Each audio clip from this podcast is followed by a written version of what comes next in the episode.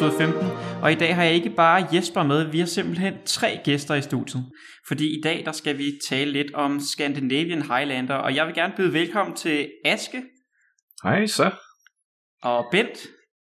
Goddag. Og Miki. Hallo. Og så hej Jesper. Hej Ask. Og hej I andre også. Fedt, at I Yes, gad være med. Jo, tak. Tak fordi Ja. I Måtte være inviterede. Det- det er jo super hyggeligt, at, øh, øh, fordi at øh, Aske, øh, Bent og Miki laver den her podcast, der hedder Højlandspap, hvor de taler om øh, et format, der hedder Scandinavian Highlander. Og øh, Jesper og jeg har, har faldet over podcasten og tænkt, det var da sjovt. Der er også nogle andre, der laver podcast på dansk om, øh, om Magic, og øh, vi vidste ikke særlig meget om, om det her Scandinavian Highlander. Jeg, jeg kender heller ikke øh, Highlander så meget øh, selv. Så derfor tænkte vi, øh, at, øh, at vi ville invitere jer på, for ligesom at tale lidt om formatet. Øhm, og vores øh, podcast er jo sådan lidt fokus på nyere spillere. Øh, så og, man kan sige, nu, øh, nu har vi jo både mig og Jesper med, der ikke ved særlig meget om, om, om jeres format og Commander og Highlander, så det, vi må stille alle de dumme spørgsmål, og så I, må, I kan forklare lidt. Yes, Øhm, Er, det nu, vi skal sige, at der er ikke nogen dumme spørgsmål, bare for, den, for at få den floskel ud af verden? Ja, det plejer jeg også at sige til Jesper. Okay. så, øh, øh, Og det blev men han jeg- roligt træt af, han sagde. Men jeg tænker, om I ikke øh, måske bare sådan helt Ej, men- men, men lavpraktisk endelig. kan, kan starte en af jer med at sige sådan, øh, ja, hvem I er, og, og hvad det er, I, I laver på, på jeres podcast. Øh, hvis nu at Aske starter, så tager vi den i alfabetisk. Ja, sådan helt, øh, helt lavpraktisk, øh, eller man skal sige, i, ideen med, med podcasten er at øh, snakke om, øh, om det her format, vi spiller, det her 100 korts øh, singleton format. Det eneste, der må være ens i, i ens dæk, det er Basic Land. Øh, og så snakker vi ellers om øh, de dæk, vi spiller, øh, og om de kort, øh, vi synes er fede at, at have med at gøre. Det, øh, det er sådan ligesom ideen. Ja, vi, vi øh, har også en, en liga, øh, som vi kører øh, sådan, jeg vil sige en gang i hver kvartal, så, så har vi en liga, øh, hvor vi har x antal spillere. Det er ikke det store antal, som øh, vi også kommer lidt ind på, men håber på, at der er flere og flere, der joiner. Øhm, og øh, det taler vi også en del om, fordi at det er indtil videre, så er det det, der udgør vores meta, så at sige. Men øh, hvad hedder det? Ja, jeg hedder Bent, og øh, jeg er i hvert fald en af dem, som der har været med til at lave det her format sammen med Aske og Miki. Øh, jeg tror også, jeg uden at træde over hverken Askes eller Mikis tær, kan sige, at, at, at det var mig, der fik den skøre idé til at starte med. Øh, jeg tror, vi i varierende omfang alle sammen var lidt øh, fascineret af nogle forskellige formater. Et af dem, det var så det her format øh, Canadian Highlander, som, øh, som vi lod os inspirere af, og som vi også, altså som, som Scandinavian Highlander også minder meget om. Vi kan kalde det et slags søsterformat, hvor vi har vores egen pointliste, og hvad det betyder, det kan vi komme mere ind på senere. Øhm, men øhm, ja, jeg er en af de tre, og det er som regel mig, der sidder og klipper alt vores nonsens, noget, som bliver til Højlandspap. Og det er som regel mig selv, som jeg klipper rigtig meget i, fordi der er meget af mig. Øh, ja. Jeg skulle også sige, at øh, du producerer nok det meste, der skal klippes væk. Nej. Okay. Øh, nej, det gør det gør ikke. Øh, der er jo meget indhold. Men altså, øh, ja, vi laver den her podcast, øh, hvor vi, vi taler om også, hvad der rører sig inden for Magic bare generelt. Øh, hvad vi hører ting og sager. Øh, I og med, øh, som Bent vil sige om øh, med pointlisten, så, øh, så arbejder vi med sådan hele repertoireet af, af kort for, for Magics historie. Der er nogle få undtagelser, øh, i og med de er pointet over vores makskapacitet. Øh, men, men vi arbejder med sådan mere eller mindre alle kort, derfor er alle nye sæt og alt det er meget interessant for os at, at vurdere og finde ud af, om det passer til vores smag, om vi kan spille med det. Altså, vi kan måske også lige tilføje, at noget af det, vi, som vi laver en del af, udover det er, at vi øh, laver set reviews. Og det synes jeg jo personligt også er relevant for folk, der ikke nødvendigvis spiller Scandinavian Highlander, men som spiller for eksempel Commander eller Modern Legacy, det kunne også være Pioneer eller endda Standard, ikke? Altså at, at vores sådan, syn på, hvad de her kort, og hvor gode de her kort er. Jo, jo, om der er en eller anden mærkelig effekt, man kan, kan vride ud af, af et kort for ligesom at, at få øh, lidt mere kant på sit dæk, få øh, lidt flere øh, win, ja, hvad skal man sige, win percentage. Ja. Altså. Så. Men skal vi ikke, øh, jeg, jeg, er, jeg er spændt på at høre, mm. hvad det går ud på, selve øh, formatet der, og mm. også gerne lidt om øh, historien selvfølgelig, men hvad, hvad, hvad, hvordan spiller man? Hvad, du sagde lige noget om point. Yes, altså, øh, øh, altså som sagt, så øh, en stack, det, det skal være 100 kort, øh, og øh, og det, de, eneste, øh, de eneste kort, der må være ens, det er som sagt øh, basic lande, øh, og, og så øh, må man ellers tage af alle de kort, der er blevet trygt i, i hele spillets historie. Men, Men der man, er en... man kan tilføje en nøgle her og sige, mm. der er navnet Highlander, ja. fordi det er der, hvor det kommer fra igennem Australien. Og, præcis, there can be only one. mm. Igennem German Highlander og Australian Highlander, som er formater, der kommer helt tilbage, eller som stammer fra 90'erne faktisk. Mm. Yes. Så der tog man det her koncept, there can be det. only one. Så, ja. Og så, øh, så hele det her med øh, pointlisten, det er så det er sådan en, en erkendelse af, at øh, der er nogle kort, øh, som er blevet trygt igennem spillets historie, som øh, er så vanvittigt stærke, at de bliver Altså, hvis ikke der bliver lagt nogle begrænsninger på dem, øh, så bliver de simpelthen spillet i alting, og så er det ikke øh, sjovt at spille spillet længere. Øh, sådan noget som, øh, altså en af de helt øh, gamle klassikere, det er Ancestral Recall. Øh, den koster en blå mana at spille, og så siger den, øh, at øh, øh, target player draws three cards. Øh, og det at trække kort i det her spil, det er virkelig, virkelig godt. Øh, så der har vi så valgt at sige, at øh, der lægger vi en begrænsning på. Øh, og det, det med pointene, det er så, at øh, man har 10 point til at bygge sit øh, dæk for. Øh, og det, jeg tror, hvad er det, alt i alt, så er det 45 kort, eller sådan noget, der har point. Øh, yeah. Sådan yeah, rundtal. Øh, og de fleste af dem har, øh, har kun et enkelt. Men Ancestral Recall for eksempel, den har 6 point. Så er der altså kun 4 point tilbage at bygge med. Øh, og så ud fra den her liste, jamen så, så kan du vælge sig det derfra. Så. Jeg vil sige, øh, pointet, det, det er jo heller ikke noget, man skal bruge. Man er, man er velkommen til at bruge, men man er også velkommen til at lade være. Øh, men max mængden, man må benytte sig af, det er de 10 point. Øh, og så kan man så variere. Der er nogle kort, der koster en, der er nogle, der koster 6-7 stykker. Øh, dem kan man af, gode årsager ikke have sammen, fordi det overskrider de 10 point. Øh, og så er der en masse kort. Øh, størstedelen af alle kort, der findes i Magics historie, har jo ikke nogen point. Øh, og dem må du have med, øh, som du, det lyster. Det, det skal også lige nævnes hurtigt, at det er ikke kun gamle jeg skal nok gøre det hurtigt. Øh, det er ikke kun kort fra Alpha, Beta, Unlimited Revised, altså de helt, helt gamle kort fra sådan noget 93, 94, 95, der har point. Det er faktisk også helt op til nyere kort. Sådan noget mm. som, øh, øh, hvad hedder det, um, Underworld Breach fra Theros Beyond Death, som udkom sidste år. Så der mm. er også nyere kort, som, som har fået point, fordi de er så stærke. Mm. Hvordan kommer de der? Er det, er det sådan, er det sådan international Highlander-agtigt, at der giver de der point, eller er der noget, I har fundet på? Er det i alle Highlander-formaten, eller hvordan? Altså, Australian Highlander var vist nok dem, der først indførte det, fordi altså der, der er de her store formater, Highlander-formater, hvor man kan sige, at vi er indtil, indtil videre i baby-stadiet. øhm, hvad hedder det, jeg tror, jeg kan ikke huske, om det var German Highlander eller Australian Highlander, der startede, men Australian Highlander er et 60-korts format, men også singleton, hvor man også kun må spille med et af hvert på nær basic land. Men de har deres 7 points, øh, hvad hedder det, system, og de startede vist nok med det der med point, hvor at uh, German Highlander, eller European Highlander, som det også kaldes, der har man band eller, eller ikke band kort. Altså det vil sige, hvis, hvis man ikke må spille med det, hvis det er for stærkt, så har de helt fjernet det, ligesom man gør i standard om, modern og så videre. Ikke? Øhm, øh, øh, hvad hedder det, Canadian Highlander, der kom til senere, lånte så ideen om det her med pointsystemet. Øh, og de har så 10 point, fordi de spiller med 100 kort i deres dæk, og det er det, vi har lånt fra. Vi, øh, Australian Highlander spiller du også med et sideboard, det gør vi heller ikke her. Der er det, det er de 100 kort, du stiller op til en turnering med, og så er det de 100 kort, du spiller hele vejen igennem. Så at sige. Øh, så det er dem, der fandt på det, og så lige, lige for at besvare mere specifikt dit spørgsmål. Øh, I Canadian Highlander, der har de deres egen point council, som der fungerer for deres format. Og det er det, som vi også har forsøgt at oprette. Indtil videre, så har det bare været jamen, altså, de gavede gamle spillere, øh, som vi efterhånden kan kalde os, men så også, øh, nu, nu prøver vi ligesom at inkludere flere og flere, fordi vi vil gerne have det til at være en demokratisk proces. Men Øh, ultimativt vil vi gerne have, at der er et såkaldt point council af aktive spillere, øh, som, som øh, lytter følger med, hører, hvad folk har at klage, og så foretager nogle velovervejede valg om, hvordan kan vi rykke lidt på pointene, så det passer bedre til den meta, vi har nu.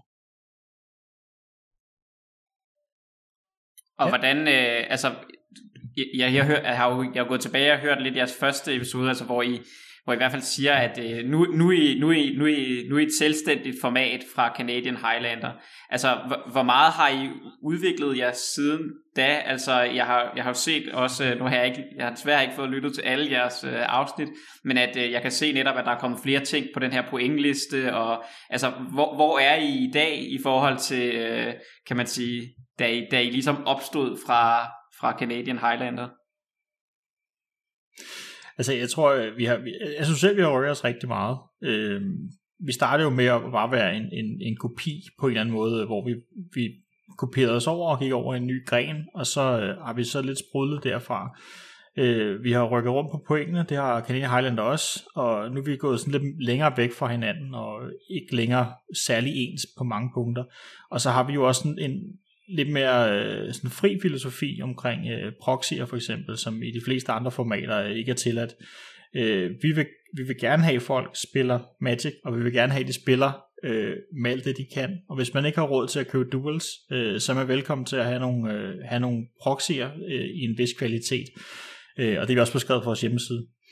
Øh, så, så på den måde, så har vi jo rykket os rigtig, rigtig meget. Øh, og så øh, holder vi jo de her turneringer, som, øh, som Ben taler om, vores ligaer, og øh, vi har nogle hyggespil løbende, vi har nogle søndagsturneringer og sådan noget, hvor vi øh, får prøvet en masse dæk, og, altså jeg kan, man kan allerede mærke nu, hvor, på et år, hvor meget der er sket i forhold til de dæk, der bliver leveret. Øh, I starten der var det måske meget inspireret af Canadian Highlander, og nu er det bare blevet mere selvstændige dæk, og folk har lavet nogle rigtig fede ting. Øh, så, så jeg synes, øh, altså, et, på et år, der er sket rigtig, rigtig meget. Ja, jeg, jeg vil også lige tilføje, at altså, da, da du, øh, altså, det du spurgte om, Ask, var også øh, øh, i henhold til vores første afsnit, tror jeg. Og det var lige der omkring, hvor vi øh, hvis nok øh, havde besluttet os for, at vi ville ikke følge den første pointskiftning for Canadian Highlander. Ikke fordi vi var uenige med den, men fordi vi sagde, at det er nu, vi er nødt til ligesom at, at, at, at, at sige, at vores meta kommer til, når den udvikler sig, når vi får nogle flere spillere osv.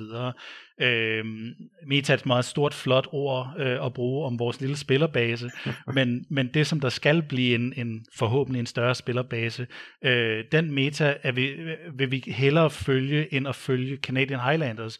Ikke fordi der er noget i vejen med den, vi, altså vi har jo mm. trods alt lavet os inspirere af det her meget fede format, men fordi at vi, vi synes, at det giver mere mening at tænke på, hvordan spiller de her spillere i vores format spillet. Øh, og så der så besluttede vi os for at afvige for første gang ved ikke at følge deres første eller første ændring i, og eneste ændring siden der, øh, mm. som vist nok var juli sidste år eller juni sidste år. Uh, jo, og det var også, det var også ideen uh, helt fra starten, at, uh, altså, at det spil, vi har gang i her, det skal være, det skal være forankret lokalt. Altså, det, vi vil gerne have, at uh, folk udenlandsfra er, er med til at spille, men det skal ligesom være folk, der er med uh, i, i, vores, uh, i vores format her, som har indflydelse på det. Altså, det, vi, vi lader stadig inspirere rigtig meget af, af Canadian Highlander. Der er trods alt flere hundrede spillere bare i, i Vancouver, øh, for eksempel. Tusind spillere. Ja, ja, altså, så øh, de, de har jo kæmpestort output, både af, af, af forskellige content og forskellige dækidéer og alt muligt. Øh, men det skal ligesom være den her interne diskussion i formatet om, hvad vi synes er, er sjov, eller hvilke kort vi synes er problematiske, eller om der er strategier, vi skal løsne lidt op for at gøre lidt mere øh, hvad skal man sige, tilgængelige. Øh, så, så det er ligesom en, en diskussion internt i formatet, vi, vi ønsker. Og så er det så, at vi derfra er, er endt med at forgrene os. Hvordan spiller man, altså der også, spiller man også, er det sådan en commander, hvor man spiller 4 mod 4, eller er det altid øh, 1 mod 1, og er det bedste 3, og hvordan øh, foregår det? Altså, det, det er et, øh, 1 mod 1 format, øh, format ja, ikke? øhm, altså, jeg tror nogle gange har jeg også selv øh, brugt sammenligning med Commander, men øh, det, det er lige så tæt på Commander, som øh, alt, det, det ikke er. Øh, altså, det med, at det er singleton, det er nok det, man kan sammenligne mest, men du har ikke, øh, du har ikke en uh, commander, eller en, ligesom i Oathbreaker, eller hvor du har en, en en frontfigur, du har med, du bygger ud fra. Her bygger du et, et helt sammenhængende dæk på, på 100 kort, hvor der gerne skulle være noget synergi med det hele, og ikke bare med et enkelt nøglekort, du har altid har klar ud på sidelinjen. Øh, så det er sådan den, den største forskel. Øh, yes. Så formatet også burde gerne i hvert fald være mere hurtigt. Øh, man kan nok mere sådan hastighedsmæssigt sammenligne det med hvad hedder det, competitive EDH, øh, i og med at det går lidt stærkere, det er også en mod en, og det gælder også om at, at lave det vilde ting rigtig, rigtig hurtigt. Det er det. Øh, jo. Og, og så, det er det, vi øh, gør. Og så til forskel fra, fra Commander, så ja, som sagt, så er det en mod en, og man har 20 liv fra start.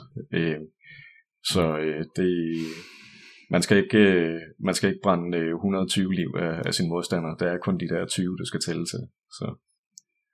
Ja, eller 40 per person, men ja, 120, mm. øh, hvis man spiller fire. Men, plus der er også en anden rigtig, rigtig vigtig ting, altså der er ikke nogen farveidentiteter, fordi man ikke spiller med en commander, hvor at, mm. altså, hvis man ikke er så meget ind i commander, så en af de store vigtige ting er farveidentitet, fordi du kan kun bygge dit dæk ud fra de farver, som din commander er.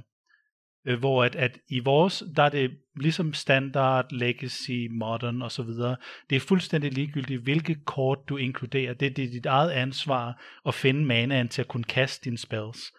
Øh, så derfor ser man også nogle ret gakkede ting, altså et 100 korts dæk, hvor at, øh, at, at, at man splasher, altså det vil sige, at man lige gør plads til en enkelt blå spade eller en enkelt rød spade, fordi den passer bare ind i synergien eller ind i strategien.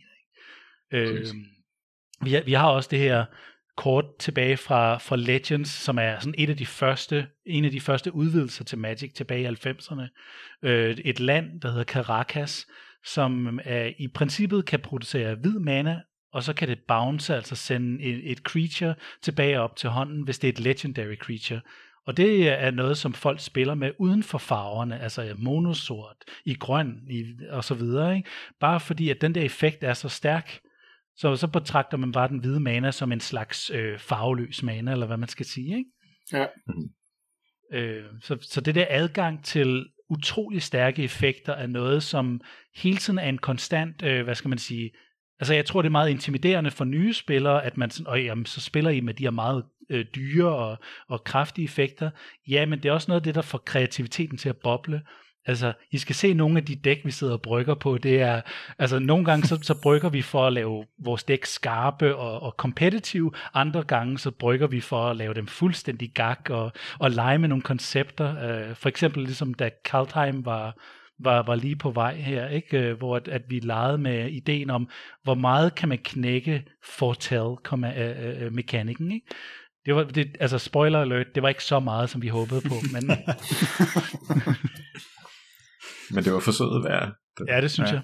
Men hvis man nu er en ny spiller, altså og er interesseret i sådan commander, altså og, og så hvordan kommer man så ind i, i den her den her type formater som som jeres er? Altså man kan jo måske godt blive skræmt væk. Nu sagde I lige selv noget med proxyer, øh, men men det er jo nogle stærke kort, og nogle af dem, hvis man går ind og slår dem op, så er de jo også øh, nogle der der koster lidt penge. Øh, hvad, ja, hvad tænker I om det? Det må man sige øh, at det, det faktisk godt kan lade sig gøre at starte med, med et, øh, et commander deck, hvis man har et eller andet, man synes er, er en god idé, og så lige kigge det igennem og se om, øh, i stedet for at spille de der, øh, hvad hedder de, Guild Gates tilbage fra øh, Ravnica, øh, som øh, giver øh, to forskellige øh, farver mana, øh, man kommer i spil tabt, jamen så, øh, så print en, øh, en Bayou eller en Tiger i stedet og, og smide dækket og se om, om ikke det bliver lidt bedre. Og kig lige på, øh, på nogle af de allerdyreste spells, man har i spillet, eller i, i sit dæk, øh, om man kan finde nogle lignende effekter, som måske koster en eller to mana mindre, sådan lige tune en lille bit smule på det. Øh, og så ellers sørge for at holde øje med, at, øh, at ens øh, commander ikke er, hvad skal man sige, hele ideen med dækket. Øh, sådan noget som øh, det, det er et dybt mærkværdigt kort. Øh, Cedru the Great-Hearted, øh, sådan en, øh, er det en gazelle shaman eller et eller andet af den stil, øh, som øh, kan smide øh, permanence fra, øh, fra ens egen side af bordet over til modstanderen. Og det man så gør med, med det her dæk, det er at sørge for at øh, smide en hel masse ting og sager, som øh, slår dine modstandere ihjel, fordi de bare har dem på bordet. Øh, det, det virker ikke særlig godt i, i Highlander, fordi du skal, du skal trods alt finde Cedro øh, og få den på bordet, og så sætte gang i, i det, du gerne vil, og så ellers sørge for, at den ikke bliver skudt. Hvor i Commander, hvis den bliver skudt, jamen så kan du spille den igen. Så koster det godt nok lidt mere mana, men du har den altid til, til rådighed. Og det er bare ikke tilfældet i, i Highlander, så du, du må kigge lidt på, øh, på det, vi kalder for redundans. Altså begynde at smide nogle flere kort i dækket med, med lignende effekter. Så, så ja. dine odds for at finde kortet bliver, bliver højere. Altså man skal tale sådan, også som, som ny spiller, øh, hvis man er helt spæd øh, til Magic, så er det måske øh, lidt overvældende at give sig i kast med at, at spille sådan et her format. Altså en ting, mm. som jeg skal kan lide, når jeg introducerer øh, nye spillere til Magic, det er det der med, at, at der er mange øh, gennemgående ting, der er ens. Sådan så at, øh, altså elver for eksempel, det er jo altid sjovt, ikke? Mm. Øh, at have fire ens kort, det har vi jo ikke her. Øh, der har vi 100 forskellige kort næsten, øh, afhængig af dækket. Mm. Øh, og at have den der variation kan godt være rigtig svært for, for nye spillere at lære, hvad der foregår. Øh, så jeg, jeg tror, man skal, man skal nok have, lige have smagt lidt på, på Magic-safterne i noget tid, før man skal begynde at give sig i kast med, med det her format. Altså man er selvfølgelig altid velkommen, det er slet ikke det, og vi mm. holder også masse turneringer, hvor vi øh, gerne vil hjælpe folk, vi holder også øh, andre hyggedage, så man er altid velkommen til at prøve men det er ikke bare noget, man lige kan finde ud af for første dag. Så man skal Ej, nok men, være... Altså det, ja. det sagt, så, øh, altså, så kan man jo vælge at bygge sit dæk øh, med, med meget skiftende kompleksitet. Altså jeg, jeg har haft øh, god underholdning af, af et øh, rødt-blåt øh, counterburn dæk, som arketypen hedder. Altså den, den blå farve, det er til at spille øh, counterspells og sørge for, at min modstander ikke øh, laver for meget ballade. Øh, og min røde kort, det er så øh, skadet primært øh, direkte imod min, øh, min modstander.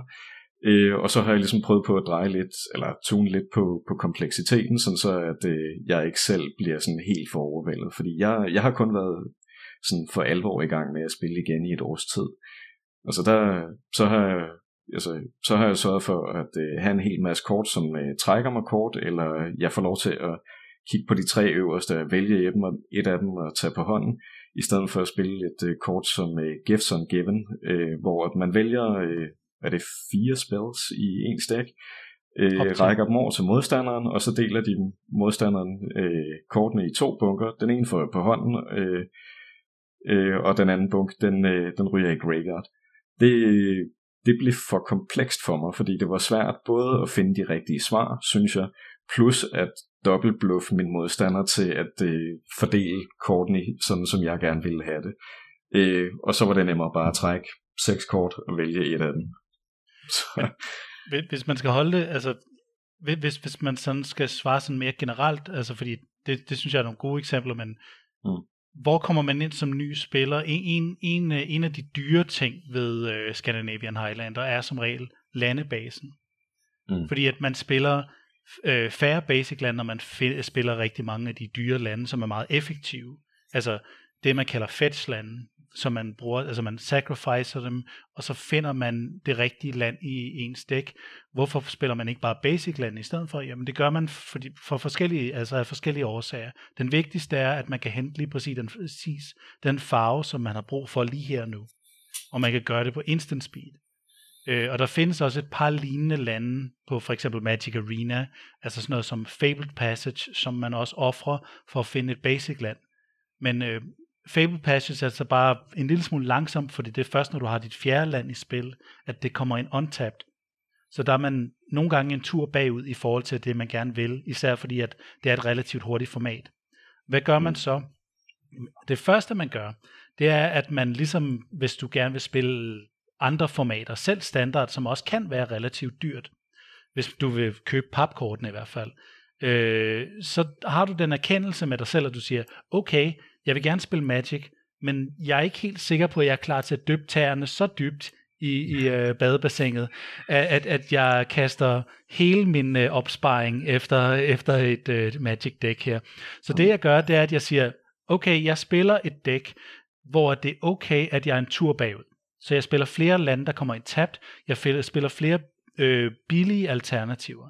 Og der findes faktisk rigtig mange dobbeltlande. Altså hvis man spiller mere end en farve. Mm. Øhm, som kommer ind tabt, men lige så snart den tur er overstået, så har jeg de farver, jeg har brug for. Så man spiller måske et dæk, der er lidt mere det, man kalder mid-range, altså en lille smule langsommere, men med større effekter. Øh, I stedet for det hurtigste af det hurtige. Hvis man godt kan lide at spille det hurtigste af det hurtige, jamen så spiller du monofarvet dæk. Så spiller du sådan noget som monorød, som elsker at slå på tæven, og der skal man bare ud og have en masse, øh, både monetært, men også øh, mana-kost-mæssigt øh, billige kort, som der brænder modstanderen lige i fjeset. Og øh, det, det er gudskelov ikke så dyrt. Faktisk er det noget af det billigste, du kan gøre, uanset hvilket format du spiller. Nå. Så, så den slags, øh, altså vi, vi havde i vores øh, forrige sæson af den lige, altså vi er i gang med en, en uh, ligasæson nu, og i forrige sæson, der øh, var der en af vores spillere, der spillede det, der hedder Red Deck Wins, som er et monorødt dæk. Øh, det var ikke et billig version af det, men altså lad os bare sige, at det var ham, der lå i toppen af vores liga, helt indtil at han tabte i finalen. Men øh, ja, altså der, det, det kan gøres godt for billige penge. Mm. Men det bliver aldrig et rigtig billigt format, og det er der, hvor proxyerne kommer ind. Og hvad er reglerne for, hvad, hvordan laver man en proxy, og hvad er reglerne for det? altså, vi har beskrevet det på vores hjemmeside, øh, men der er, sådan, der er lidt forskellige øh, scenarier. Altså, vi har, vi har det, der hedder proxy points, vi kører efter, hvor man så øh, afhængig af proxy-typen, så bliver man øh, pointet på det. Øh, der er det, der hedder officiel proxies, som er øh, de der uh, World Championship decks, man kunne få en gang, hvor man fik et, det hele øh, vinderdækket fra et eller andet 95 mesterskabet eller andet. Uh, øh, der kan være nogle, nogle halvdyre kort i der. Det har en guldkant på, og så har det en anden bagside. Den accepterer vi som en, en officiel proxy.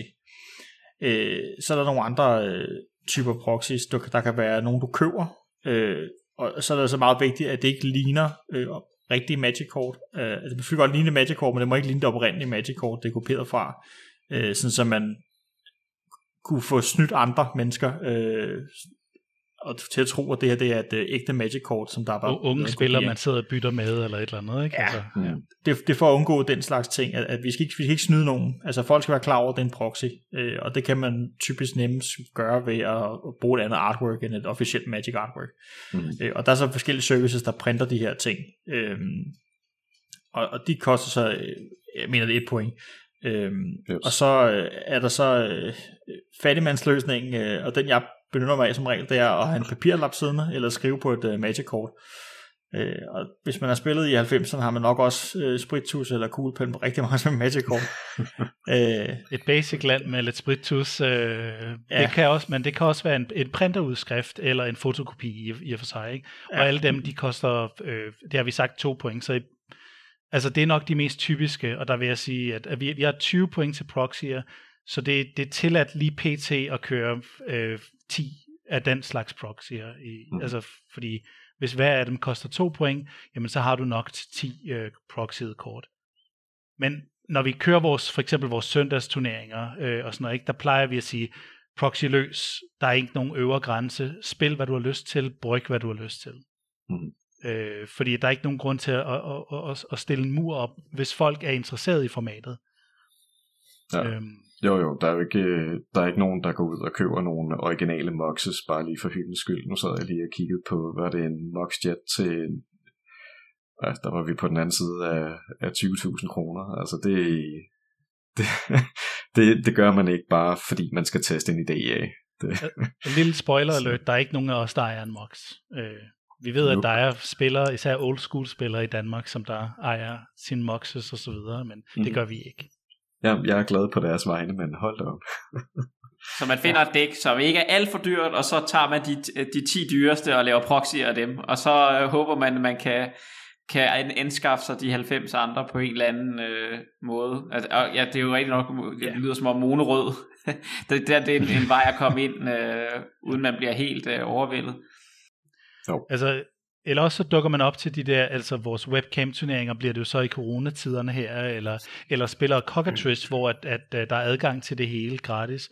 Mm. Altså der er mange måder at spille det på, hvor man ikke behøver at investere. Ja, det giver god mening. Ja. Mm-hmm. Altså jeg tænkte på en ting, da jeg hørte også uh, en af jeres afsnit, som en af de ting, som, som gør ligesom, at det, altså jeg, jeg er primært en limited spiller, og det er derfor jeg, en af de ting, jeg synes, der er sjov ved limited, det er, at der er så meget øh, variation, Øh, og en af de ting, jeg sådan ligesom blev mærke i, I sagde ved jeres format, øh, og det jeg vil bare gerne høre, jeg måske sætte lidt nogle ord på, for, også hvorfor I synes, det er sjovt, men det er det her med, jeg tror I sagde noget med, at øh, når man spiller de her andre constructed formater, hvor man har fire af hver, så, så sker der mange, meget de samme ting igen. Og det er en af de ting, som jeg godt kan lide ved Limited, det er, at der, der sker så meget nyt hele tiden. Øh, og det, det er også lidt min, altså jeg har også lidt en barriere måske for at, at gå ind i alle de her Highlander-formater, fordi jeg har ikke rigtig vidst, hvor, hvor man skulle starte. Men, øh, mm. men det tiltaler mig i hvert fald meget ved, ved for eksempel jeres format, at, at det ofte er noget nyt, og man sidder med den der bunke af 100 kort, øh, hvor, hvor, det, hvor det er singleton, ikke? Altså, der, der er jo to måder at gøre det på. Den ene er at være ligesom øh, Bent, der elsker at skifte dæk, øh, og gerne spiller fire dæk i den samme kamp. Ikke? øh, og så er der mig, der, der kun spiller det samme øh, hele øh, spillet igennem. Og, altså, jeg har, jo, jeg har jo variation i mit dæk, men jeg har jo som sådan ikke så meget variation igen. Øh, jeg bliver rimelig fortrolig med mit dæk, jeg har lidt udskiftninger af kort og så videre, men, men det er mere med det samme for mig. Øh, oplevelsen, der er forskellig hver gang, det er som en modstander, øh, i og med, at de skifter dæk, øh, men også det med, at, at når man nu har et, et, et dæk med øh, 100 kort i, hvor at, at chancen for, at man får de samme øh, 20 kort at se per spil, eller hvor meget man kommer til at se, øh, den er ikke så stor, at det er de samme kort hver eneste gang. Så man har en lille variation, afhængig af, hvor stor redundans man har fået lavet sit, øh, sit dæk. Øh, hvis det nu var et elver dæk for eksempel, så kunne man godt være, at man bare så elver hele tiden, og så var det pisse fedt. Øh, jeg spiller selv et combo deck. Jeg har nogle rimelig vigtige pieces, jeg skal bruge, øh, og de kommer som regel altid frem øh, på en eller anden måde. Og på den måde, så får jeg jo spillet på en måde, som jeg synes, der, der er fed at spille på. Øh, jeg kunne også bare skifte med dæk noget oftere, så vil jeg opleve en masse forskellige ting. Øh, mm. men, men jeg vil sige, den, den, altså i forhold til at spille øh, Limited og sådan noget, så synes jeg, det fede ved det her format og andre øh, Highlander-formater, det er det der med, at man, man kan få meget mere variation i, øh, og selvfølgelig hvis man godt kan lide at sidde og spille det samme hele tiden, og man ved, at okay, ham der han spiller en, øh, det hedder Inkmont Nexus i 2.1, jamen han er, han er på øh, Affinity, ja ja, så kan du køre nu ud af, hvad jeg skal gøre og sådan noget. Det er jo også sjovt, øh, hvis man gerne vil være klar på, hvad der skal ske hele tiden. Men øh, omvendt, så, så er det også rigtig fedt at blive lidt overrasket over, hvad, hvad modstanderen har gang i. Så, hvad, hvad er det, der foregår? Hvad laver han nu? Åh, oh, oh, oh, det er spændende det der, ikke? Mm. Og så laver man et eller andet totalt vildt play, øh, og, og det er jo også en, en del af charmen, i hvert fald for mit vedkommende, at der kan være så stor variation, selvom det, det er lidt ens nogle gange. Mm-hmm. Ja, jeg tror, nu, nu sagde Miki et eller andet med, at jeg spillede adskillige dæk i løbet af en kamp. Det var, det var vist et, et, en, en, en fejlbeskrivelse. Øh, ja, du må kun spille et dæk per kamp. Men, men øh, hvad hedder det? Men, men jeg har en tendens til at skifte øh, dæk ud meget. Jeg har en tendens til at brygge meget, og jeg tror også, jeg føler en lille smule ansvar for, at, at der bliver testet meget i formatet, og at der bliver prøvet dæk af, og at, man, og at jeg også har en kendskab til en masse forskellige dækarketyper, fordi ellers føler jeg ikke, at jeg kan tale med om altså sådan dæk vidt og bredt. Men, men, øh, men der er altså nogle ligesom i alt andet, alle andre aspekter af Magic, er der mange psykologiske profiler, og et af dem er ligesom Miki, som, som godt kan lide at finpudse og finpudse og finpudse, og det kan man se, at det kommer der noget rigtig, rigtig interessant af igennem tiden, også med nye udgivelser af kort og nye idéer, der så kommer sådan fra skæve vinkler, fordi der findes jo, hvad findes der, 40-50.000 kort i Magic, eller sådan et eller andet, ikke? Så ja. der vil altid være en masse blinde vinkler. Og så er der folk som mig, som der bare elsker at sidde og brygge og brygge og brygge, og spytter fire nye dæklister ud om ugen, eller et eller andet, ikke? Så sådan er vi så forskellige. Hmm. Jeg ved ikke, om vi fik besvaret spørgsmålet, men... Nej, nej, men, men jo, men det er jo også, at det, der er jo egentlig, at der, der er plads til begge dele, altså der er plads til, at, ja. øh, at man kan fokusere på et dæk, og der er plads til, at man kan, man kan prøve alt muligt forskelligt. Øhm, ja. mm-hmm. Jeg havde tænkt på, hvor, hvor stort er, altså hvor mange, ved I, hvor mange der spiller det, har I en eller anden oversigt over jeres spillerbase eller jeres community? Ja, vi har en eller anden en umiddelbar oversigt, og øh, vi kan sige, at efter, efter at have siddet og trumlet med det her et år, så er vi øh, måske på den, eller vi er på den anden side af 10 spillere. Det er, hvad vi er. Vi er ikke et særligt stort format. Vi er et meget, meget øh, ydmygt format i, den, øh, i, i, i, i det omfang, øh, hvis man ser det på den måde. Og vores, altså, vi, vi har prøvet at sprede det gode budskab, hister her. Problemet er lidt, at øh, noget, som jeg rigtig godt forstår, det er, hvorfor skulle man købe ind i et format? Når jeg siger købe ind, så er det ikke fordi, man skal betale kontingent til os, men hvorfor skal jeg købe kort til et format, hvis jeg ikke hvis jeg har svært ved at vide, om det her øh, øh, format består? om, om, om de her mange penge, jeg smider i det, om det er nogen, som der er velplaceret i, i forhold til mine investeringer og samling. Og det er også derfor, vi føler et, et kæmpe ansvar for at blive ved med at komme med content, altså podcast og nu også video og så videre, ikke? Altså øh, blive ved med at holde spilaftener, fordi vi, vil, vi brænder for det her format. Vi vil gerne have det kørende. Øhm, så, så det eneste vi kan sige, det er, at vi låner noget legitimitet ved at, at læne os op af de formater, vi er inspireret af. Hvor jeg vil sige, det er primært Canadian Highlander, men så sandelig også German Highlander, hvor vi har en gammel German Highlander spiller inden, øh, og vi har øh, inspiration fra Australian Highlander osv. Så, så i virkeligheden en, på større sigt kan man sige en spillerbase på måske lad os sige 10.000 spillere, og på noget mindre sigt en spillerbase på lige over 10 spillere. Øh, Ja. Altså, det så kan man også sige, at de, øh, de mennesker, vi har med, øh, der er mange genganger, der er mange, der deltager øh, stort set alle arrangementer, vi har. Ja. Og det gør det også måske mere fortroligt for en, øh, en ny spiller at komme ind, fordi man ser de samme ansigter, man, man taler med de samme mennesker, og det er måske lidt nemmere at, at vende sig til. Øh, jeg synes selv, nogle af de gange, jeg har skulle starte med Magic igen, og skulle tage ind i farvesigar og sidde med en masse forskellige mennesker øh, hver eneste gang, det har været lidt intimiderende og gjort, at jeg måske ikke har lyst til at, at spille alligevel og så kommer man ikke rigtig igen. Her kommer man til at se mange af de samme ansigter, og det gør det måske bare lidt mere velkendt på en eller anden måde. Jo, det, jeg synes, der i hvert fald nogle af de der søndage, hvor vi har siddet og spillet på, øh, på webcam, der har det, jeg vil ikke sige, det har været sådan bodega-stemning, men det har der i hvert fald været sådan lidt afslappet hyggeligt, at man har kunnet sidde og, og drikke en kop kaffe eller en øl eller sådan noget den stil, og sidde og sludre. Og også om andre ting, mens vi, vi sidder og spiller. Altså det, øh, det er sådan lidt med hovedideen med at spille, er jo at, altså, at have det sjovt og have med andre mennesker at gøre. Altså, det jeg, jeg tror også en, en, en, øh, et stort appel for flere af de spillere, vi har, fordi der er mange af, af de spillere, vi har, som altså, der har både været jeg vil ikke kalde dem nye spillere, men måske lidt ligesom jeg forstår, at, at du er Jesper, altså en spiller, der har spillet før, altså for eksempel helt tilbage i 90'erne, og er kommet tilbage til Magic, eller har, har set det en gang imellem, eller måske samlet kortene op løbende, eller et eller andet, men aldrig rigtig har dedikeret sig til det før her for nyligt igen. Dem, dem har vi haft et par stykker af, Øh, men så har vi også spillere, som der har dedikeret sig til nogle bestemte formater, hvad det øh, Commander, øh, Legacy, Vintage, eller endda Modern, eller Standard. Mm. Og øh, den der blandede skare af folk, der er mit indtryk, at os, der har fundet sammen, især den hardcore kerne, så at sige. Ikke, øhm, ikke bare os tre, men altså også dem, som der dukker op og er med til Cockatrice Ligaen og så videre, de føler en eller anden form for medejerskab, for de har været med sådan mere eller mindre fra starten, og de er mm. med til at skabe, hvad det her format er. Og det tror jeg er det største appel lige her nu, det er, at, at folk er med til at sige, jamen jeg, jeg er med til ligesom at have en indflydelse igennem min holdning, og at vi er så tæt sammen som en nærmest en vennegruppe også.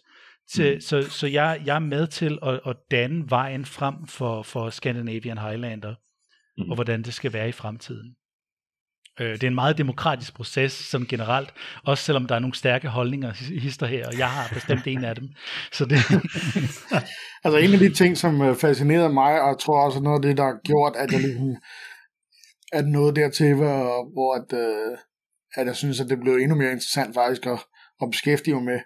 Øh, mm. Det er det der med, hvor, hvor meget det ligesom har granuleret sig, mens jeg har været væk. Altså til alle de her forskellige øh, formater, øh, og alle de her forskellige sub øh, nischer og, øh, og miljøer og, og alt sådan noget, ikke? Alle sammen jo. samlet om, du ved, de samme stykker pap. Ja, ja, ja. Øh, det, det, synes jeg, altså det synes jeg er fantastisk. Altså det synes jeg, det, altså det er noget af det, som virkelig får mig til at tænke, hold da kæft, altså det er bare sjovt, ikke? Altså jeg, jeg skal da helt klart være med til at, øh, at spille øh, øh, Aarhus Ja, det synes jeg, der lyder vildt jo. spændende. Øh, så kan jeg ja, også øh, få, få mulighed for at, at bruge nogle af de der gamle papsamlinger, som jeg har ravet lidt til mig på, i Facebook og, øh, og så videre og så videre, ikke? hvor jeg kom til at købe noget, hvor jeg tænkte, hmm, hvad skal jeg egentlig bruge alt det pap til? jamen dog, jamen dog. ja, jeg, jeg tror, vi alle sammen har været der, at øh, købe sådan en, øh, en flyttekasse fuld af alt muligt gammelt, øh, af noget, der ligner ravelse, og så finder man noget guld en gang imellem, hvor man sidder og tænker, uh, det her, det, det, sætter, det sætter tandhjulene i gang. Det her kan måske bruges til et eller andet. Altså, ja. det, sådan et, der vil, der vil et tusse sige... gammelt kort, jeg stødt på. Øh, øh, sådan en, der hedder Sky Shroud Cutter. Øh, den, den er gratis at få i spil, hvis man giver modstanderen fem liv. Hmm, det må kunne bruges til et eller andet, selvom det, altså objektivt set, er det jo dårligt at give sin modstander liv. Altså, så men det, det, det er også der, hvor at det, som Miki talte om tidligere med redundans, mm. øh, altså mm. det der med, at du må kun spille med et af hvert kort. Så lad os finde nogle kort, der minder om hinanden.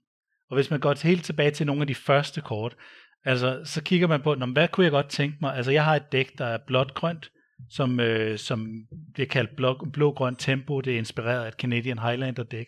Og det handler egentlig om, at jeg for det maner, jeg har, vil gerne spille større effekter hurtigere end modstanderen, og så sætte modstanderen tilbage samtidig. Men egentlig er det bare et slå på tæven dæk. Øh, men man kalder det tempo, fordi man gerne vil lave et, et skift i tempoet imellem det, du laver, og det modstanderen laver. Og det som, det, som jeg har fundet frem til, det er, jamen, en god gammeldags giant growth, en god gammeldags øh, en grøn mana, instant, plus 3 plus 3 til det her creature, er faktisk en okay tilføjelse blandt de andre lignende effekter hvis du så lige topper med en berserk, der fordobler det hele, og så videre. Men, men, men, men den slags ting, altså hvor man bare kigger i sin, øh, sin gamle, hvad hedder det, kort, og så siger, den her lille effekt, den er sgu meget sjov, lad os prøve at brygge med den. Og selv hvis det ender med om et halvt år eller om et par måneder, man siger, ah, der findes nok et bedre kort, så har du nok haft det sjovt, mens du bryggede og spillede med det her gamle kort, som du har en eller anden form for nostalgi med. Og så er det ikke helt så værdiløst, som at man ikke kunne bruge det til et eller andet i løbet af kampen. No. Så. Er der, nogle, er der sådan nogle tomfingerregler i forhold til at bygge dæks? Altså, nu har vi lært meget i Limited i forhold til du ved, 17 lande, og så så meget det ene, og der skal være removal, og der skal være dit og dat, og sådan noget. Har I, øh, har I, er der det? Altså, jeg tror, øh, hvis man... Altså, der er nok nogen, der har sådan en, en fast regel på, mange lande de har med. Jeg vil helst have så lidt som muligt. Øh, de andre, det griner lidt af mig nogle gange. Øh, så altså, man kan, ja, altså, når, man, når man spiller draft og sådan noget, så har man jo en lille formel, man kører efter. Ikke? Øh, 17 lande og 23 øh, ting og, og så videre. Så videre. Mm. Øh, altså der er, der er nogle ting, der giver mening, men, men i og med, at vi, vi kan have kort for hele Magic Magic's historie, så har man mulighed for at tage nogle af de, øh, de, de slemme sagsander fra, øh, fra starten af, af Magic's historie, med Moxes for eksempel, der kan lave mana, og de koster 0 at spille. De har så givet point på dem, ikke? Så sådan noget som Ancient Tomb, som er et land, der giver to, to colors, som også kan accelerere lidt og sådan noget så der er nogle ting, man, man føler lidt en skabelon til nogle dæk. Øh, vi har også et afsnit om, hvor vi taler om de her auto-includes, altså hvordan vi, når vi bygger et dæk, hvordan øh, skaber vi det øh, fra start af, og folk har forskellige udgangspunkter. Øh, jeg, jeg tror, at de fleste kører i, i omegn af 30 til, til 35 lande, det tror jeg er det mest standard, vi har. Øh, mm. Men så afhænger det meget af, af dækket, og hvad formålet er med det, og hvor vildt det skal være jeg, jeg tror som udgangspunkt, så siger man ligesom Commander Deck, 37 kort, nej undskyld, 37 lande i et 100 kort dæk. Og så er tendensen på grund af, at jamen, hvis du spiller en lille smule grøn, nå, men så kan man, eller meget grøn måske, så kan du lige så godt have Birds of Paradise og Land of War Elves og så videre, ikke? Og, og så kan du begynde sådan at skære lidt af i, i landen. men så er der også med... andre steder. Ja. ja, og så kan du finde det i Moxes eller andre mana rocks, altså sådan øh, artifacts, der laver mana. Øh. Det kan også godt være, at du bare spiller hammerne billige øh, spells, altså at alle dine spells koster 1, 2, højst 3. Så behøver du ikke at have mere end, lad os sige, 28 lande i dækket, eller måske ja, endnu det, mindre. det var sådan lidt min øh, løsning med, med noget monosort, at øh, jeg var simpelthen så træt af, at øh, mana flotte, så jeg sørgede for, at øh, stort set alt, hvad jeg spillede, kostede øh, 3 mana eller mindre, som Ben siger. Og så tror jeg, at jeg havde 27 lande i dækket, sådan rundtal. Øh, og det fungerede sådan set okay i en periode. Så. 27, ja, det er sådan et uh, kontroldæk i et, uh, i et 60-korts format, der spiller ja, det er præcis. 27 lande. Det øh, jeg har sågar også lavet et, øh, et dæk med 0 lande, Øh, det kunne kun lade sig gøre i kraft af, at, øh, at Zendikar Rising, der udkom sidste år, Aha. havde alle de her fliplande. Ikke? Så du spiller alle 20 af de spells, der kan vendes til et land. Og så, så spiller du et par af dem som lande, og så derefter så går du efter at lave en combo, som, som du gerne vil vinde med på tur 3 eller 4, realistisk set. øh, så. Altså en af de mere atypiske ting også, det er jo, at, at nogle af de lande, øh, der er specielt de ældre lande, de laver ikke mana Øh, så altså, at tælle det med som et land som sådan, betyder måske ikke øh, det helt store i det samlede regnskab. Altså sådan et kort som uh, Maze of Ith, der uh, fjerner kort for combat, eller uh, attacking creature for combat, mm. uh, kan ikke lave mana. Uh, så hvis man regner det med i sin mana-regnskab, så, så bliver det måske lidt skævt, ikke? Og, og dem er der mange af, og så som Ben sagde, Caracas er også meget brugt. Uh, det er ikke altid, man kan regne den helt med i sit regnskab, uh, hvis man ikke kører på den farve. Mm. Afhængig af, hvordan dækket nu er bygget sammen, uh, altså som, som mono black, hvor du kan have mange øh, sorte øh, mandesymboler på alle dine kort, øh, mm. så er det måske ikke så effektivt at have en Caracas liggende øh, og rode rundt ned på bordet. Og så er den bare død, og det eneste den laver, det er at, at sende en øh, Legendary Creature op på, to- på hånden igen. Øh, så der er jo også lidt en, masse andre ting, og så har vi det der med Mana Rocks. Vi har nogle gratis øh, Mana Rocks, øh, Mana Crypt og et gammelt, gammelt kort, koster 0 artefakt, og så øh, laver den øh, to øh, colorless, og så i ens opgive, så skal man flippe en coin, hvis man taber, øh, så får man tre skade. Øh, den er også meget brugt, og den, den tæller jo ikke som mana som sådan, men øh, den, den bliver brugt til at generere det. Ja, den tæller ikke som land i hvert fald. Nej, ja, præcis, undskyld. Ja. Men, men også, vi har også set øh, et såkaldt, altså det man kalder arketypen lands, øh, hvor at, at, at man laver ting med lande, og når landene kommer ind, eller når de er på bordet, så enten har de en effekt, altså en, en enter the battlefield effekt, eller når de tabes, eller et eller andet, eller en passive ability. Og det er der nogen, der spiller, øh, altså der er flere af os, der har spillet de her lands øh, øh, arketyper, og der spiller du, altså hvis du er på den milde side, så spiller du en 35 lande, og ellers så spiller du op imod 40 eller over lande, fordi et land fylder så meget i dit dæk, og at du får så meget ud af at spille din land. Øh, plus du gerne vil have rigtig meget af det, vi kalder utility, altså du vil gerne kunne bruge det til forskellige ting, ikke bare som øh, mana-producer. Ja, det er jo nok svært at så... tale, altså, det er jo også det, når en, en formel i det her format, når man må spille alt, så jeg kunne forestille mig, at der er nogle decks, der ikke er nogen creatures, og nogle decks, der ikke er nogen lande, altså sådan, sådan det er jo, det er ligesom uh, Slaraffenland, kunne jeg forestille mig, for, for deckbuilder, altså der er jo de her deck constrictions, uh, deck constrictions med, man kun må have, der er de der point og sådan noget, men ellers er det jo bare, mm at man kan bygge, hvad man vil. Det kan jeg godt se, der er noget øh, fascinerende i. Øh, mm-hmm. jeg, jeg er mere sådan, jeg prøver at finde ud af alt det, jeg kan bygge inden for, for 300 kort eller en cube. Øh, det kan jeg rigtig godt lide, men, øh, men, ja. men det er jo sådan, hvad, hvad, hvad er det for en legeplads, man, man godt kan lide at, at rode rundt i. Mm-hmm. Øh, så der, det kan der findes bestemt stå. også der findes bestemt også folk af, af din type, hvis jeg må sige det sådan, øh, inden for Highlander-formaterne, altså som der gerne vil prøve at regne formaterne ud. Altså selvom at det er et, et format, som der ikke 100% kan løses, eller det kræver, det kræver lidt af en superhjerne og en super AI og, og sidde og regne formatet ud og se, hvad der er det bedste dæk. Øh, også fordi det hele tiden udvikler sig. Men, men der findes folk, der prøver ligesom at bygge det tighteste dæk. Ikke? Øh, mm. Og så vil jeg også sige, en anden ting, der måske kan appellere lidt til dig, Ask, det er, at øh, Highlander er ofte blevet kaldt for Constructed Cube. Og der, øh, der har vi jo et overlap mellem øh, øh Limited og Constructed. Mm. Ja, fedt. Er der ellers andre ting, som, øh, altså sådan, som, som man bør vide om selve formatet, som vi ikke har, har rundet her? Øh, oh, hvor skal man starte? Altså, jeg, jeg tror, øh, altså måske kan vi snak, øh, måske kan vi nævne i forhold til vores podcast, lidt som vi, altså komme lidt dybere ind i, hvad bruger vi vores podcast til, øh, hvis det er okay.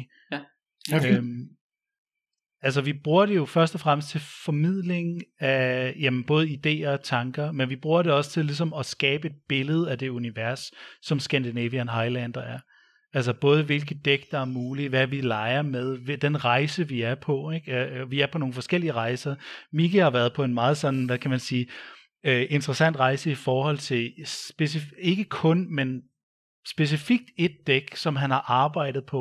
Og det har været rigtig interessant sådan at komme fra et sted, som han selv kalder garbage platter, hvor at, at det er bare sådan en masse komboer inde i et dæk, til mm. at det rent faktisk er en, en fintunet maskine nu, øh, mm. og, og, og kun bliver bedre med tiden. Jo, det, det er jo noget af det der punkt, hvor at når man ser øh, to eller tre bestemte kort på bordet, så ved man, at okay, nu har jeg, jeg har halvanden tur tilbage, ellers har jeg tabt. altså, det, det, det, sætter ligesom, det sætter ligesom folk i gang, når, når de ser øh, nogle, af, nogle bestemte kort, han spiller. Så, så. så kan sige, Aske har jo måske, som man selv siger, altså han, ikke startet for et år siden, han har spillet masser før det, men sådan for alvor gået i gang for et år siden. Så det er også, som han også selv har beskrevet, har været en rejse øh, i, altså i at opdage Magic. Og, og, altså du kunne måske bedre sætte ord på det selv. Ja, men altså det, det startede lidt med, at jeg, jeg havde en masse, en masse gamle kort liggende, så, så jeg, jeg spillede monosort tilbage, og nu er vi tilbage til Onslaught, og, og hvad det siger, så vi er været 14-15 år siden, eller sådan noget den stil. Og så har jeg dyppet tæerne i standard sådan en, en gang imellem. Og så tænkte jeg det sidste sommer, at okay, jeg, jeg må kunne lave et øh, monosort zombie-dæk, øh, for ligesom at, at komme i gang med det her det virkede ikke. Øh, så må man jo så finde på noget andet, og sådan begynde at kigge på, hvad, hvad har andre lavet? Og så begynde at tage nogle, opdage nogle effekter i, nogle bestemte effekter i det her dæk, jeg, jeg havde gang i, som, som jeg synes var sjove at spille med, og så ligesom prøve på at vride det bedste ud af dem, altså sådan nogle life drain effekter og den slags. Altså så det, for mig der har det rigtig meget været sådan noget med at det, altså finde nogle bestemte bestemte måder at vinde på, og så prøve på at øh, altså, ligesom øh, udkrystallisere det, så, så min dæk bliver så god som overhovedet muligt. Så, så det, det har været rigtig meget øh, genopdagelse. For mit vedkommelse øh, har, har det været en lidt anden, anden rejse, fordi at jeg, altså, jeg, jeg spillede tilbage i 90'erne, og, øh, og fandt ret hurtigt ud af, at jeg rigtig godt kunne lide en blanding mellem øh, combo, prison og, og control, især kontroldæk. Øhm, jeg kan godt lide at have en finger med i spillet, når folk laver ting i, i Magic. Og, øh, og så havde jeg en lang pause og fandt tilbage igennem de der digitale klienter, sådan noget som ja, de her pseudo-magic-spil, øh, Duels of the Planeswalkers, og så senere med pap. Øh, og jeg havde hele tiden en eller anden form for lyst til at spille kompetitivt, men på det tidspunkt synes jeg, det var så, var så dyrt, og så begyndte pengepungen lidt mere at være til det. Og så øh, fik jeg samlet mig en cube, og da jeg havde cuben, så havde jeg også lige pludselig en endnu større samling, og så tænkte jeg, okay, men nu tror jeg faktisk, jeg vil kaste mig over det her Canadian Highlander, som så blev til Scandinavian Highlander herover. Ikke? Øhm, så min, min rejse har mere været at, at tilfredsstille mit bryggerinstinkt. Altså jeg er klart den, der elsker at brygge på liv og løs. øh, og det, det er noget af det, vi taler rigtig meget om i vores podcast. Altså udover, når vi formidler nye tiltag, eller eller øh, ting om vores liga eller andre små turneringer. Så det har været at, at, at, at ligesom få øh, malet et billede af det her univers og hvordan det udvikler sig. Et, det lyder godt. Hvis nu at øh, folk lytter med øh, og tænker, at øh, det kunne de godt tænke sig noget mere af, hvor skal de så øh, gå hen? Det allernemmeste, det er scandinavianhighlander.dk. Og der har vi links til vores øh, Facebook, til vores Discord, til vores Instagram, til vores YouTube, og øh, altså skal øh, Der står også vores øh, pointliste, vores, øh, vores regelsæt, øh, og så er der også en øh, dækvalidator, så man kan gå ind og smide liste ind af sit øh, 100 kort, og så kan man få at vide, om man må spille med det eller ej. Ja, øh, det, lige med den arbejder bare, at, at øh, den tæller ikke, om du har lavet duplikater, så du, du kan ikke bare lave øh, 99 Black Lotus og en øh, Fireball. Øh, det vil den sige, det er ok. Øh, nej, det vil den ikke. Pointen er vel for meget. Okay. Øhm, så det, det er der, man går ind. Okay. Og hvornår, hvor tit spiller I så? Og sådan noget, hvis man skal sådan, tage det lidt til at, altså, at være med? Hvornår foregår det? Altså, vi har vores, øh, vores liga, vi laver opstart på øh, cirka en gang i kvartalet, øh, hvor vi så kører et, et par uger. Øh, det, det er typisk 6-8 uger. 6 til 8 uger. Ja. Øh, det er mere end et par. Øhm, ellers så har vi øh, som regel om søndagen, øh, godt og vel hver anden til tredje søndag, der, der kører vi noget, øh, noget hyggeturnering, og det er så lidt skiftende, om det, det er på pap eller øh, cockatrice, og man er velkommen til at, at prøve begge ting. Der er altid nogen, der er klar på, på det modsatte af, hvad vi har aftalt. yes. ja. Men jeg tænker, at vi også øh, vi, øh, vi linker til i, øh, i show notes og under videoerne på YouTube og Facebook, der kommer et, et, et link til jeres, jeres hjemmeside, så kan folk gå ind og, og se det der. Øhm, ja. Men jeg, må jeg lave en hurtig har... reklame for noget på hjemmesiden? Ja. Må, ja. må jeg lave en hurtig reklame for noget på hjemmesiden? Ja, det må du gerne. Ja, bestemt, okay. helt bestemt. Der, der, er noget, der er et redskab, som er anvendeligt for os folk, der ikke spiller Scandinavian Highlander. Da vi, vi har lavet nogle lister, blandt andet over, altså det, det er begrænsede lister. Det er for eksempel Mana Dogs, og det er, hvad hedder det, Hand Disruption. Og der kommer flere af den slags lister. hvis man sidder og bygger dæk, uanset om det er til Commander eller et eller andet andet format, så kan man, stå de, så kan man gå ind på den side, og så kan man kigge over, hvad der findes inden for nogle bestemte kategorier af creatures, der har med mana at gøre, eller, eller andet. Og så har vi lavet lister over alle de kort, der findes i Magics historie, og så kan man sidde og se, okay, men hvad findes der inden for de farver? Hvad gør de her forskellige effekter? Og det er egentlig til, altså det er først og fremmest tiltænkt til Scandinavian Highlander-spillere, sådan så når man sidder og brygger ud for det her kæmpe, kæmpe cardpool. Men det er også tiltænkt, at alle andre spillere, der har lyst til øh, i stedet for at skulle sidde og, og tråle øh, The Gatherer, eller Gatherer, eller hvad hedder det, Scryfall igennem efter kort, at de ligesom kan lede derinde mere specifikt efter nogle kort, som, som har nogle gode effekter der. Mm. Det lyder da smart. Det lyder da, altså det lyder som noget, som er utroligt Hvornår kan vi... Kan... Ja, hvad siger du, Mikkel? ja. Jeg siger bare, hvornår ser vi, at uh, Asger og Jesper får tæv i uh, Scandinavian Highlander afsnit? Ja, ja det, øh, det, det ved jeg ikke, jeg er Scandinavian Highlander. ja, ja. Skal fandme ikke hedde sådan nu. ja, det er... I selvfølgelig altid velkommen til at kigge på en søndag. Det, vil vi, det tror jeg meget gerne vi vil, når vi engang må. Øh, og alt det her. Det er jo også det. Det er jo fedt, at øh, jeg går også ud, ud fra, at øh, når, når corona er overstået igen, så øh, er det jo noget, jeg, vil, jeg glæder mig i hvert fald til at komme ud og, og have lidt rigtig pap i hånden. Øh, og... Ja, det, det begynder at krible for alvor i fingrene efterhånden. Det, man kan godt mærke det. Men uh, Jesper har jo, jeg er jo en del af online undervisning og sådan noget, jeg har gjort det, så jeg har egentlig gearet, og jeg har bare ikke rigtig sådan lige helt fået sat det op i forhold til sådan noget webcam-spilleri. Mm. Øh, så det kunne jeg egentlig også godt tænke mig ligesom at måske benytte lejligheden til lige at få prøvet det op ordentligt, sådan så det sidder der, ikke? Ja. Klart. Klart, klart. Men du Jesper, har du... endelig bare sige til. Nå, undskyld, jeg afbryder igen. Det er også svært, når vi er Ej, fem. Det, ja, men det, det, det, er fordi, jeg har et afbrydergen dybt indlejret i min DNA. Mm. Øh, men jeg vil bare høre, Jesper, om du havde andre spørgsmål til øh, en af de tre eller til formatet? Ja, jeg synes, øh, det er fint. Det lyder, det lyder rigtig spændende. Det lyder også som om, at, uh, altså, at, at I har gjort et godt stykke arbejde, også for, både for, at man kan komme ind i det, og øh, også, øh, altså, jeg synes, det lyder som et sjovt format. Og øh, jeg er helt sikker på, at øh, jeg får... Altså, jeg vil klart gå ind og lave... Jeg, jeg er sådan lidt træt af de der ting, hvor man ligesom skal netdække et eller andet. Jeg vil også gerne bare se, okay, nu, nu glor jeg min kort igennem, og så finder jeg måske nogen med nogle fed, noget fedt artwork, eller et eller andet i gang. eller bare et eller andet, jeg synes, der er for vildt. Jeg, er også sådan, jeg har en tendens også til lidt mono-black. Øh, og så måske skal man bare prøve det, og så se, øh, du ved, hvad, hvad, hvad, sker der så, ikke? Hvor lang, hvor lang tid kan man, kan man, kan man nå til tur 2? må ikke, må ikke. Det lykkes som regel. Det. Ja. Det, uh, du skal med monoblack dæk bare forhøre dig med Aske. Ja. ja, det er jo Jesper store... Ja, det, det, det er hans yndlingssport at, at lave noget sort og ondt. Ja. Ja. Men, øh, men jeg tror, at øh, ellers, altså, vi vil bare lige her på Faldre, vi har også et lille klubhus til vores øh, podcast, hvor man kan gå ind og melde sig til. Det er typisk for nyere spillere.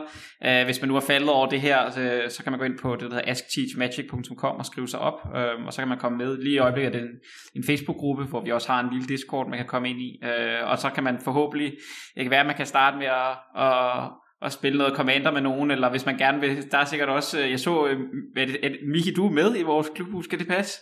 Ja, ja, selvfølgelig, selvfølgelig. Ja, ja, så øh, man kan også, øh, hvis den vej, så, så vil Miki sikkert også være behjælpelig, hvis man, hvis man gerne vil snakke Scandinavian Highlander. Selvfølgelig. Men, øh,